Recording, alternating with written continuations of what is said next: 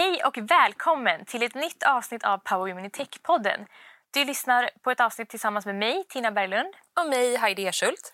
I den här podden träffar vi inspirerande kvinnor i techbranschen för att ta reda på vad som har format, motiverat och inspirerat dem på vägen. Dagens gäst är fantastiska Elin Eriksson. Elin är director på den ideella organisationen Women in Tech.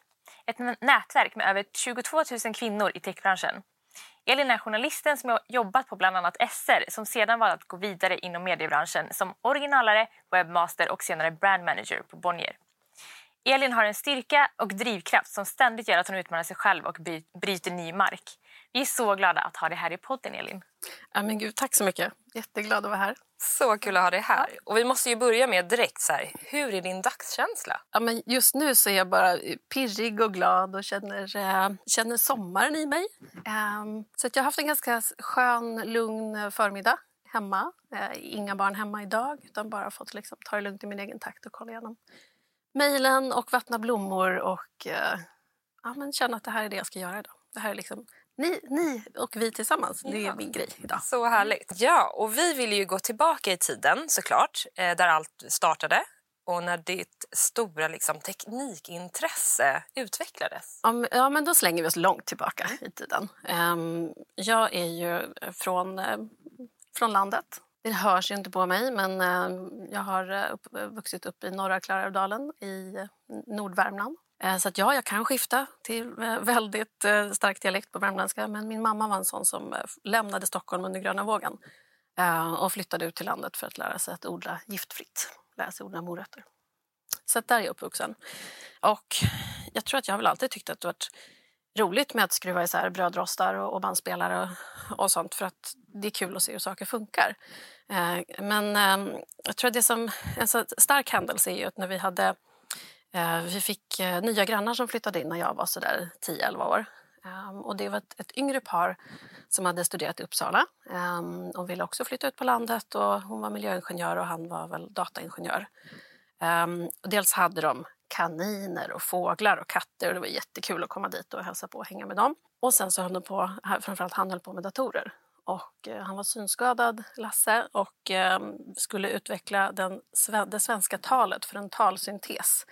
Som är alltså tillsammans med en dåtidens skärmläsare så har man en talsyntes och så kan man då som synskadad få talet uppläst för sig. Och nu pratar vi sent 80-tal, eh, tidigt 90-tal. Så det var väldigt tidigt? Det är väldigt, väldigt tidigt. Mm. Det fanns inget internet, man var inte uppkopplad på något. Man hade en dator som stod på golvet och så hade man en skärm och så hade man mus och tangentbord. Det var väl ungefär mm. det som var samma. Ehm, men det var bara så att jag var väldigt välkommen att vara med och hjälpa till. Eh, vara med och spela dataspel. Och inte minst hjälpa till när ehm, ja, men det behövde sätta in lite nya minnen i datorn. Och då var det väldigt stora fysiska eh, ROM-minnen som skulle sättas in. Lasse såg inte, jag såg du får hjälpa mig nu att sätta in det här. Men jag kan ju inte. Jo, du ser bäst av oss. Jag talar om hur du ska göra. Du sätter in. Ja, okej. Okay. Så häftigt. Um, och bara också med så syfte. Du måste lära dig att det här inte är farligt. Alla kommer jobba med datorer. På den vägen är det. Mm. Lite grann.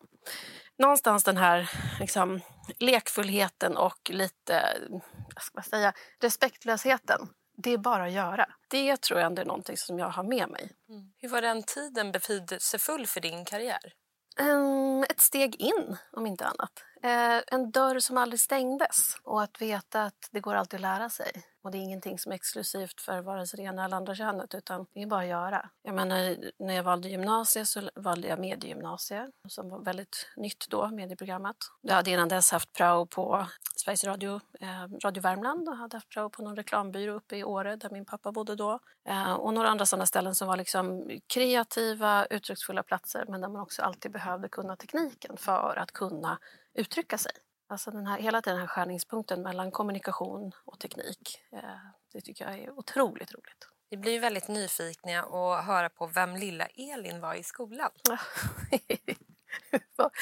Eh, den som satt långt fram och räckte upp handen och kunde svaren på frågor och som på roliga timmen hade läst på minst tio nya roliga historier från far, farmors eh, Allers-tidningar. um, och eh, Eh, som älskade att eh, slå upp saker i kartböcker och läsa lexikon och, och allt sånt. Men också kombinerat med att eh, som då eh, hippiebarn inte var den som hade liksom generationer bakåt och alltid var lite annorlunda. Och inte, inte speciellt populär, utan så här, ja, kompis men inte kompis med alla och inte, absolut inte hela tiden. Så, um, en, ett, ett dubbel, vad ska jag säga, en dubbelhet i att både hävda min plats men också veta att jag inte alltid passade in. Och att veta att nej, jag kommer aldrig vara den som är mest populär här. Eh, eller eh, liksom, alltid ha en själv, eh, självskriven plats. Alltid vara lite ifrågasatt. Eh, lite, lite jobbig, eh, lite lillgammal, lite besserwisser. Så ser jag ju nu, det fattade jag inte då. um, så att någonstans så där att hitta, okej okay, men då får jag väl vara den ändå. Då får det här vara min plats. Nu kan jag se att det är en styrka att jag har, in, jag har inget behov av att alltid vara den som, som passar bäst in. Jag har inget behov av att veta att jag är bara den här personen. Jag kan också röra mig mellan olika miljöer. Du eh, berättade för oss tidigare att du blev ja, men, tidigt trygg i dig själv och har vågat sticka ut. Hur kommer det sig? Mycket så här, jag är uppvuxen med, framförallt med min mamma. Hon uppfostrade oss tre syskon då själv från från att jag var tre tills jag var ungefär ja, 10-11 någonstans. Då träffade hon eh, Rolf som är min bonuspappa som hon fortfarande är gift med. Um, och hon har ju alltid varit eh, otroligt självgående. Uh, och bodde, bodde själv i ett litet hus på landet med tre barn. Liksom. Um, tapetserade, byggde om, högg ved, ehm, fixade saker, odlade. Liksom. allt sånt där. Så jag tror att det var liksom självklart att man, man jag ska också kunna klara sådana saker. Um, så nå någonstans i, i, den förebilden så har jag nu ändå alltid speglat mig. Mm. Um, men sen också att jag har, uh, ja, men som jag sa, det här liksom, räcka upp handen och vara lite besserwisser och vara lite rolig. Jag har också haft bra, bra lärare stundvis som har låtit mig vara den. Uh, och som inte har tryckt ner det och tryckt undan det utan sagt att ja, ja, men då får vi väl låta henne hållas då mm. och köra de här. Låt henne skämta! Låt henne köra sina skämt nu igen. Uh, och så fick jag göra det och tyckte det var toppen. Hur har det hjälpt dig genom livet? Att vara den här ja, men, trygg i dig själv och att det är okej att sticka ut och våga ta plats? Jag har haft lätt att tacka ja till saker. Um, på gott och ont. Um, det är svårare att säga nej när någonting känns spännande. Eh, det är väldigt lätt att tacka ja. Och det betyder att jag får liksom lära mig saker och träffa nya människor och få nya erfarenheter. Men det är också att man ligger där på, liksom, på gränsen till utmattning emellanåt. Speciellt nu liksom, ju äldre, mm. äldre jag blir och ju större barnen blir och liksom större uppdrag och sådär. Eh, så det finns en dubbelhet i det såklart. Eh, men det har ju framförallt hjälpt mig framåt att våga, våga säga ja. och också våga ta den platsen att gå in i ett sammanhang och tänka men, men jag kan det här. Det, här. det här kan jag faktiskt ta med mig. Som när jag började eh, mitt första jobb efter att ha pluggat eh, på högskolan så började jag jobba med streamingmedia. Det var tidigt.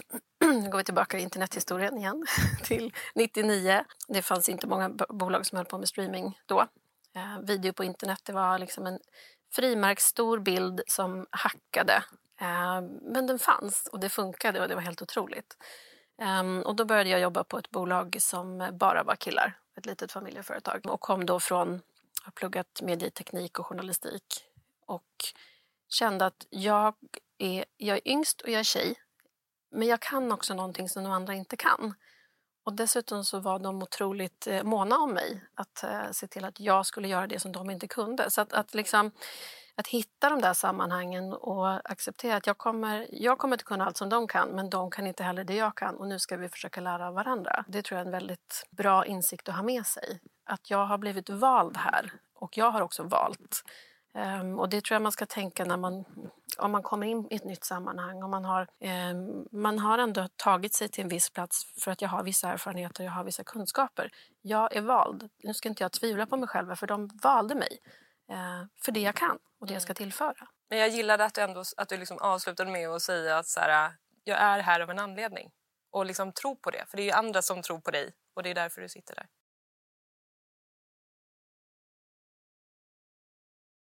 Har du alltid haft någon slags strävan efter att bryta och förändra normer? Ja, men det tror jag. Och det bygger väl också på någon slags, vad ska vi säga, um, inneboende um, känsla av, av orättvisor som borde, eh, borde jämnas ut. och tillåtelse att vara den man är.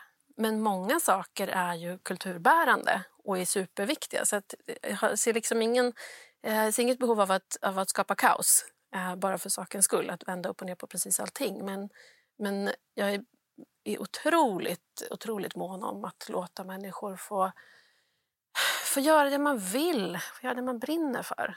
Eh, få vara den man är och inte bli bedömd utifrån de där första enkla kriterierna. Liksom så som kön eller ålder eller eh, ursprung. Jag, menar, om jag jobbar med Women in Tech som ser till att få in, eh, vi jobbar för att få in fler kvinnor i techbransch eh, och vi vill se till att de som är i branschen stannar kvar. Vi pratar mycket hårda normer som sitter i bolagen, eh, mycket grabbkultur och annat. Eh, mycket, mycket saker där de första kvinnorna in, eller många kvinnor in, upplever att man blir, blir bedömd på ett annat sätt, inte kommer riktigt in i, i kulturen, i jargongen, i gänget. Eh, man blir förbisedd när beslut fattas och man, liksom, man är inte riktigt med. Man blir bedömd på andra måttstockar.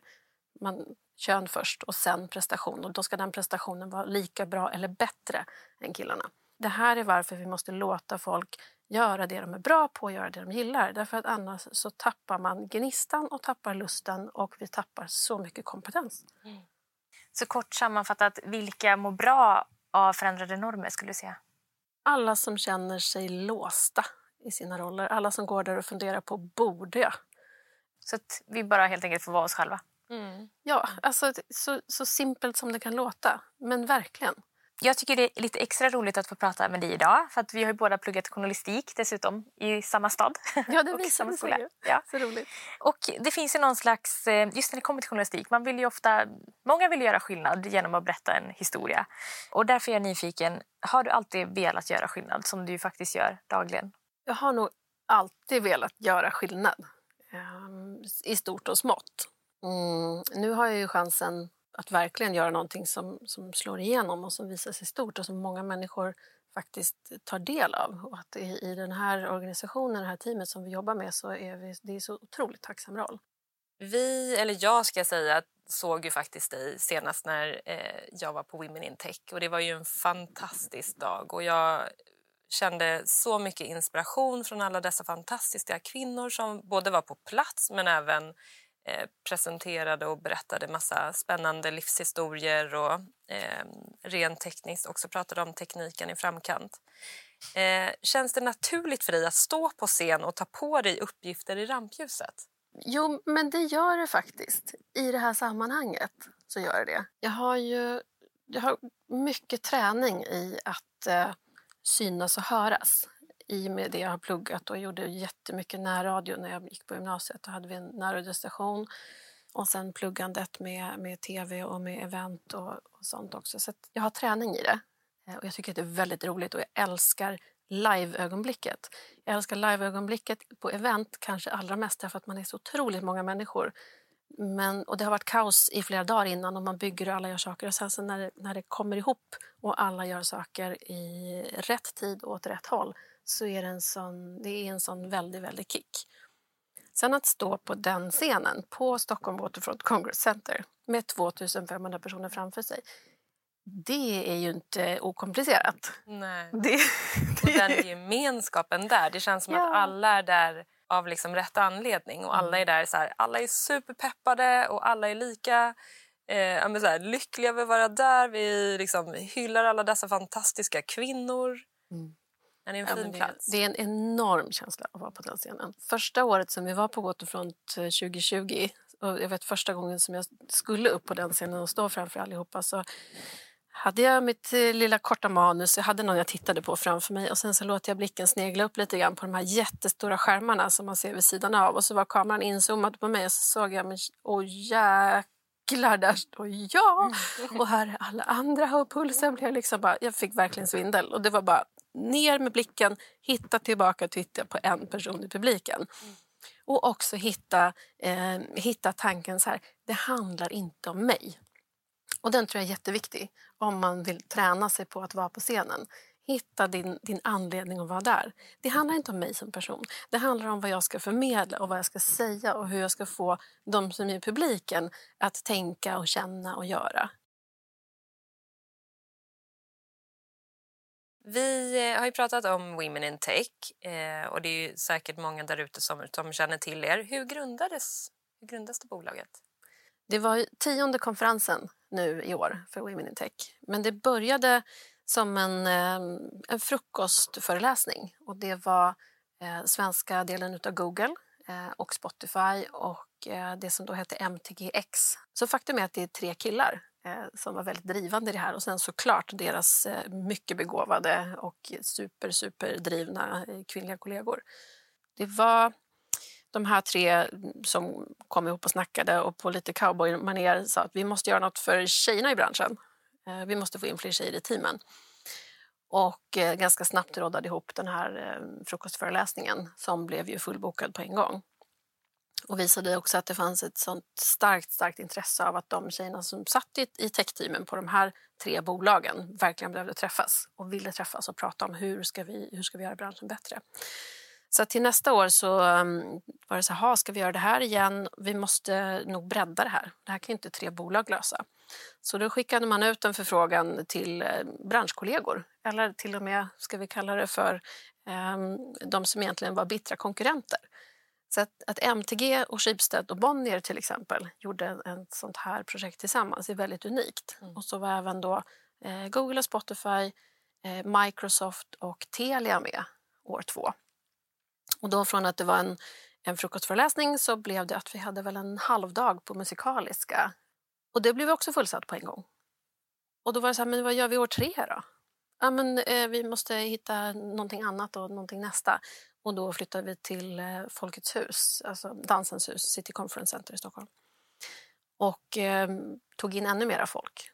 Så från kanske 200 till 600 till 800 på, på tre år. Och sen så har det här bara rullat vidare som en stor härlig snöboll. Jag satt ju på Bonnier vid den här tiden. Jag fick, eh, fick jobba med Women in Tech och fick väldigt eh, stort mandat ifrån eh, mina chefer och kollegor att, att forma Bonniers medverkan i det här. Det fanns ett stort behov av att rekrytera inom tech och också att forma bilden av Bonnier, det här gamla bokbolaget. Så då, då har jag kunnat jobba med det sedan 2015. Så att från 2019 då så frilansar jag och har då ett uppdrag som director för Women in Tech.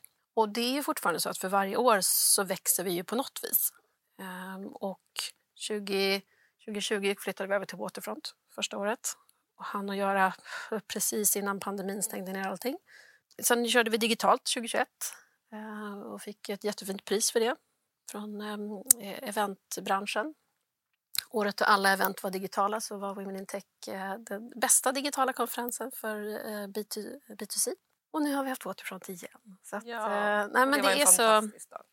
Du, nu fick du verkligen hela historien. Ja. Hur startade mm. det frågade du. Ja, Hur gick det? svarade jag. Ja, och jag blir bara så nyfiken, nyfiken på hur du kom i kontakt med Women in Tech för första gången. Ja, men det var nog faktiskt där eh, 20, 2014 som jag hörde snacket om att det var fast nu har de gjort någonting där borta. Vad var det här för någonting då? Eh, och sen så 2015 eh, då när jag var på, på Bonnier som brand manager så just när vi fick den här frågan om vi ville vara med och, och skapa nästa års Women in Tech och dyker upp på något möte tillsammans med kollegan Elisabeth. Bara, vad är det ens de försöker skapa? Vad är det här? Var är alla eh, projektplaner och alla mm. avtal och allting? Det, och allting var så otroligt löst och byggde på förtroende men också sånt driv från de här bolagen. Jag tror att det är en av, av nyckel... Eh, liksom, de, de, stora nycklarna till varför Women in Tech har funkat det är också för att det finns på, på de bolagen som engagerar sig finns det ett sånt äkta engagemang och också väldigt starka personer och eh, med liksom, egna sponsorer i ledningsgrupp och, och styrelse som verkligen vill det här. Eh, och då har det funkat utan att det har varit speciellt formaliserat förrän de senaste åren när det har vuxit så pass stort så att vi måste ha liksom en, den här ideella föreningen som nu driver det och med mycket liksom, bättre rutiner och vi ska jobba ännu mer kommande året på att verkligen sätta det här för nu är det för stort för att vi ska slarva bort det. Ja, men verkligen. Det måste liksom funka. Det är så många som berörs och det är så många som, som vill vara med. Mm. Ja. Fin gemenskap. Ja, det är otroligt fint. Och som du sa förut, att just det att vara på plats och känna att det här är en samling människor man aldrig träffar annars. 2500 kvinnor i princip. Alla är ju välkomna, ska jag säga. Människor av alla kön är välkomna. Men det tenderar ju att vara ja, 95 procent. Ja, men exakt. Det skulle jag nog också säga. Och jag var faktiskt där själv Mm. eh, på Women in Tech det här året. Och eh, stod och lunchade för mig själv och gick fram till typ så tre kvinnor som stod vid ett runt bord och så stod vi där liksom och pratade om så här tech och varför vi var där. Och... Så det är verkligen så här en härlig gemenskap och det känns som att så här, alla är vänner. Alla är där av liksom samma anledning. De som är där ska ha fått tre saker med sig. Man ska ha vidgat sitt nätverk. 100 procent. Man ska ha sett eh, personer som, som kan framstå som någon typ av förebilder för en. Och man ska ha blivit inspirerad. Jag kan eh, säga 150 procent Ja. på dem alla tre. Och det som är det här med förebilder är också så spännande att prata om. För att en förebild, när man tänker det ordet så är det så här, någon som är en superstar. Någon, det är Helene Barnekow. Liksom. Eh, Hon är en fantastisk förebild. Men hon är inte den enda sortens förebild som behövs. Utan det vi vill ge är också många olika typer. Och en förebild behöver vara någon som du kan spegla dig i och se att det där skulle kunna vara jag.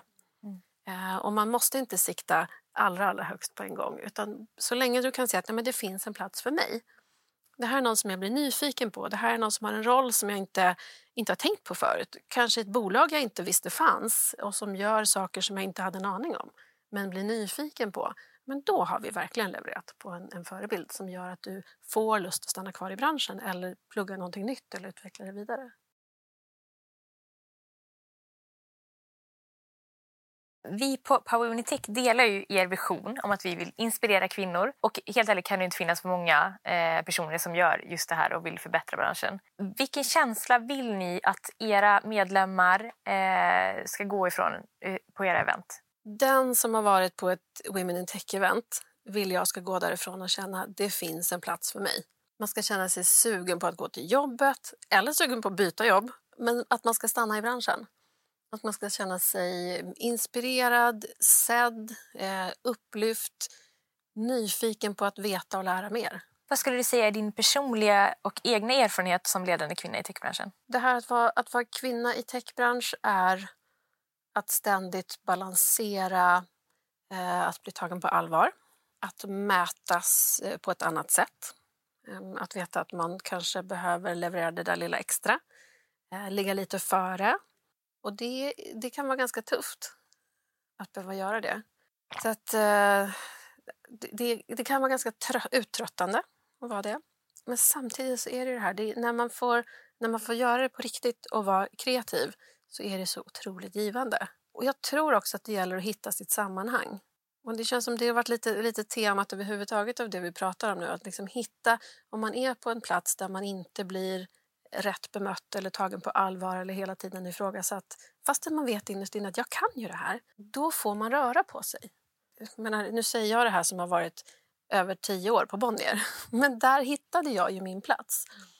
Men man får, eh, man får ångra sig. Man får ändra sig. Man får röra sig vidare. Så är det så att man känner att det här blir, det blir för tufft, eh, byt plats. Är det så att man känner att okay, ja, men jag blir verkligen inte rätt bemött här, jag blir mätt på mot andra måttstockar eller de tar mig inte på allvar, byt bolag. Det finns massor med kloka och smarta bolag där ute som bara drömmer om att rekrytera just dig. Under pandemin, är det något vi har lärt oss, eller borde ha lärt oss därifrån, det är att man måste kunna fatta nya beslut när det kommer ny information. Blir du rekryterad eh, med vissa förutsättningar och sen stämmer inte de när du kommer till jobbet. Det kan ha hänt en omorganisation under tiden eller HR sa en sak och din, din chef som kom visade sig vara något helt annat. Då kom det ny information och då får du fatta ett nytt beslut. Och det är ingen skam i det. Det är ju dumt att inte fatta ett nytt beslut när förutsättningarna har ändrats. Och då kan man få vara ganska snabb. Och det är helt okej. Det är helt okej att inte göra det du sa när de inte gjorde det de sa. Och så är man ärlig och transparent med det och säger det blev inte riktigt som jag hade tänkt mig. Jag kommer gå vidare. Att våga liksom stå på sin egna sida. Ja, precis. Och också känna att det, är ingen, det är inget konstigt att man fattar ett nytt beslut. Har din upplevelse förändrats någonting genom åren? Det som, det som har hänt i det vi pratade om för tio år sedan när vi räknade huvuden väldigt mycket. Jaha, nu har vi 40-60 i jämställdhet här. Då var det check på den, då var det klart. Eh, det visade sig att det var inte så himla enkelt. Utan har du rekryterat in de här personerna som har eh, en annan typ av bakgrund och att du har fått den här mångfalden i teamet, då kan det vara ganska svårt att få det teamet att funka om du inte har ett ledarskap som tillåter de här olikheterna i teamet. För att om vi har identifierat att ett av problemen har varit den här liksom monokulturen, det har varit en och samma typ av snubbar, om jag får generalisera, som har gjort de här produkterna. Och det har ju rullat på hyfsat bra tills det helt plötsligt inte gör det längre. Vi behöver tydligen tänka om för annars passar inte våra produkter. Och så, där. så kommer det lite nytt blod. Men är det en som ska stå emot alla de här eh, då blir det jättesvårt. Är vi två, tre stycken som helt plötsligt börjar tänka annorlunda då blir det här ett oroligt team. Och det vet alla som har jobbat med, med grupper och gruppledarskap och grupp, gruppdynamik att eh, då är vi liksom då har vi en ny, ny besättning och det blir oroligt. Och vem, hur ska vi funka nu? Vad är våra interna roller? Har du inte ett ledarskap som kan ta hand om det, då kommer du slösa bort all den där talangen, alla de där nya insikterna, all, all den där nya kunskapen. Det som ja, men bland annat Karin Singmark pratade om på, på årets Women in Tech, det är ju det här trygga, det trygga och kommunikativa ledarskapet. Är liksom det vi behöver för att ta hand om de här mångfaldsteamen om du ska få den fulla utväxlingen. Mm. Och det har ju också Google flera sådana eh, studier som visar att de, de team som presterar bäst är trygga team. Och inte trygga och lata team, utan trygga team i det att du kan, du kan vädra konstiga åsikter, du kan ställa dumma frågor utan att bli nersablad, utan att bli liksom, eh, bedömd som, som dum i huvudet. Mm. För att få upp de här alla, alla fördelarna med mångfaldsteam så måste du ha den här tryggheten i teamen. Mm. Så att om det är något som har ändrats i techbranschen på de här senaste tio åren så skulle jag säga att, det är liksom, att diskussionen har verkligen flyttats. Från det där superenkla binära, nu har vi så här många av det här könet och så här många utlandsfödda till att hur ska vi få det här att funka? Så det låter ju som att eh, ledarskap är en nyckel till att förändra branschen. Eh, hur skulle du säga, vilka fler sätt finns det till att få kvinnor att stanna kvar i branschen? Eller söka sig till branschen? Mycket handlar om den här långsamma skolningen in i teknik, att tillåtas. Det där, liksom från att skruva isär brödrostarna till att eh, bygga ihop en dator eller, eller gamea och spela och ta det som självklart. Sen till att välja Eh, utbildningar, att läsa, läsa både matte och teknik och liksom bli ingenjörer. Men det finns ju många andra sätt att ta sig in i branschen också. Att jobba inom tech, det, du kan ju ha otroligt många olika bakgrunder och ändå ha en väldigt lyckad och bra karriär och göra stor nytta där du är.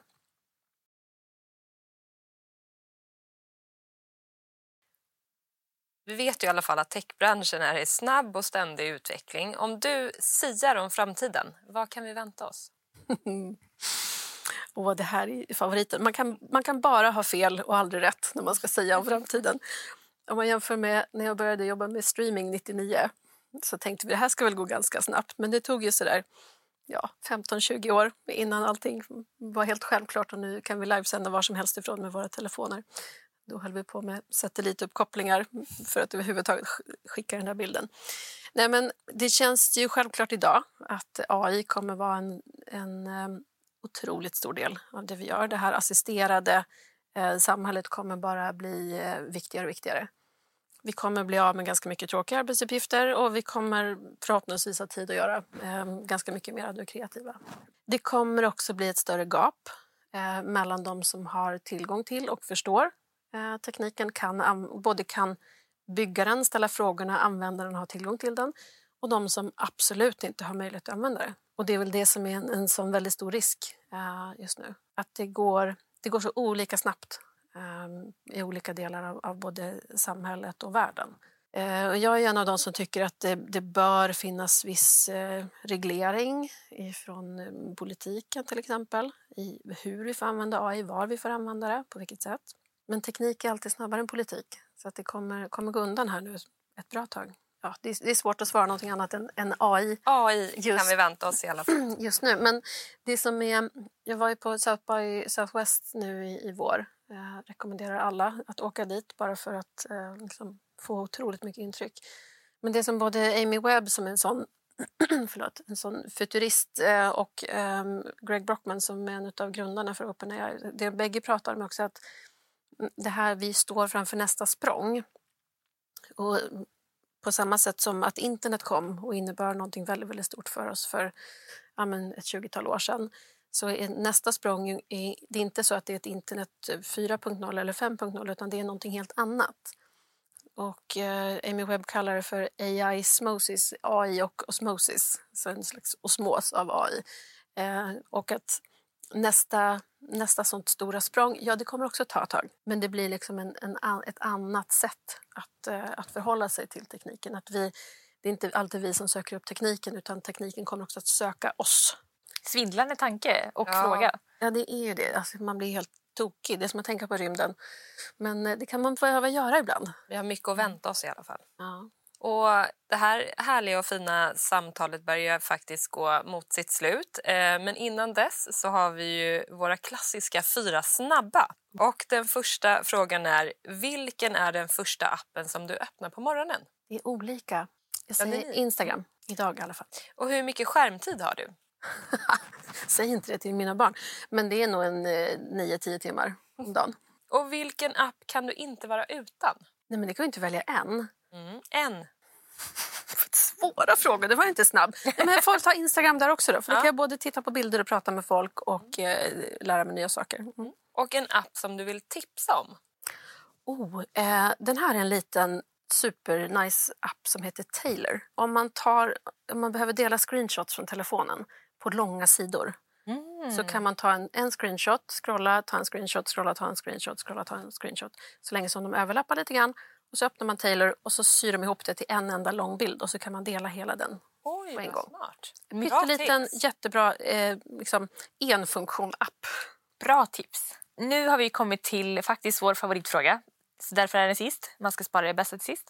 Eh, vi vill att du ska nämna en powerkvinna i techbranschen som du inspireras av och vill hylla. Ni kan ju hitta ett par hundra olika eh, sådana kvinnor på womenintech.se bland våra tidigare talare. En kommande som jag tycker man ska hålla utkik efter och som pratade kort på vår scen nu i, i våras, det är Alice Heyman. Pratar om AI, otroligt spännande personlighet. Eh, visionär, ifrågasättande, rolig, eh, modig. Hon har varit med på Nobel Week Dialogue och sa liksom saker som de här gamla nobelpristagarna inte visste riktigt hur de skulle bemöta. Eller, eller, eller, de var inte alls på samma plats som hon var vad gäller till exempel förståelsen av AI. Hon är ju typ 22 eller något liknande.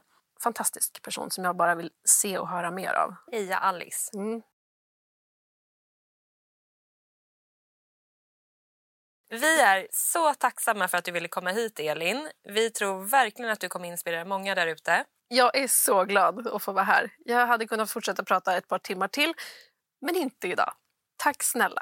Stort tack. Tack till dig som har lyssnat på veckans avsnitt av Power Women in Tech-podden. Tips är att prenumerera på podden så att ni inte missar nya avsnitt och bli medlem i vårt nätverk Power Women in Tech på LinkedIn för att få de senaste nyheterna. Den här podden är producerad av fintechbolaget Nordnet. Vi heter Heidi Erschult. Och Tina Berglund. Ta hand om dig och kom ihåg att fortsätta drömma, våga och realisera. Vi hörs snart igen. Hej då!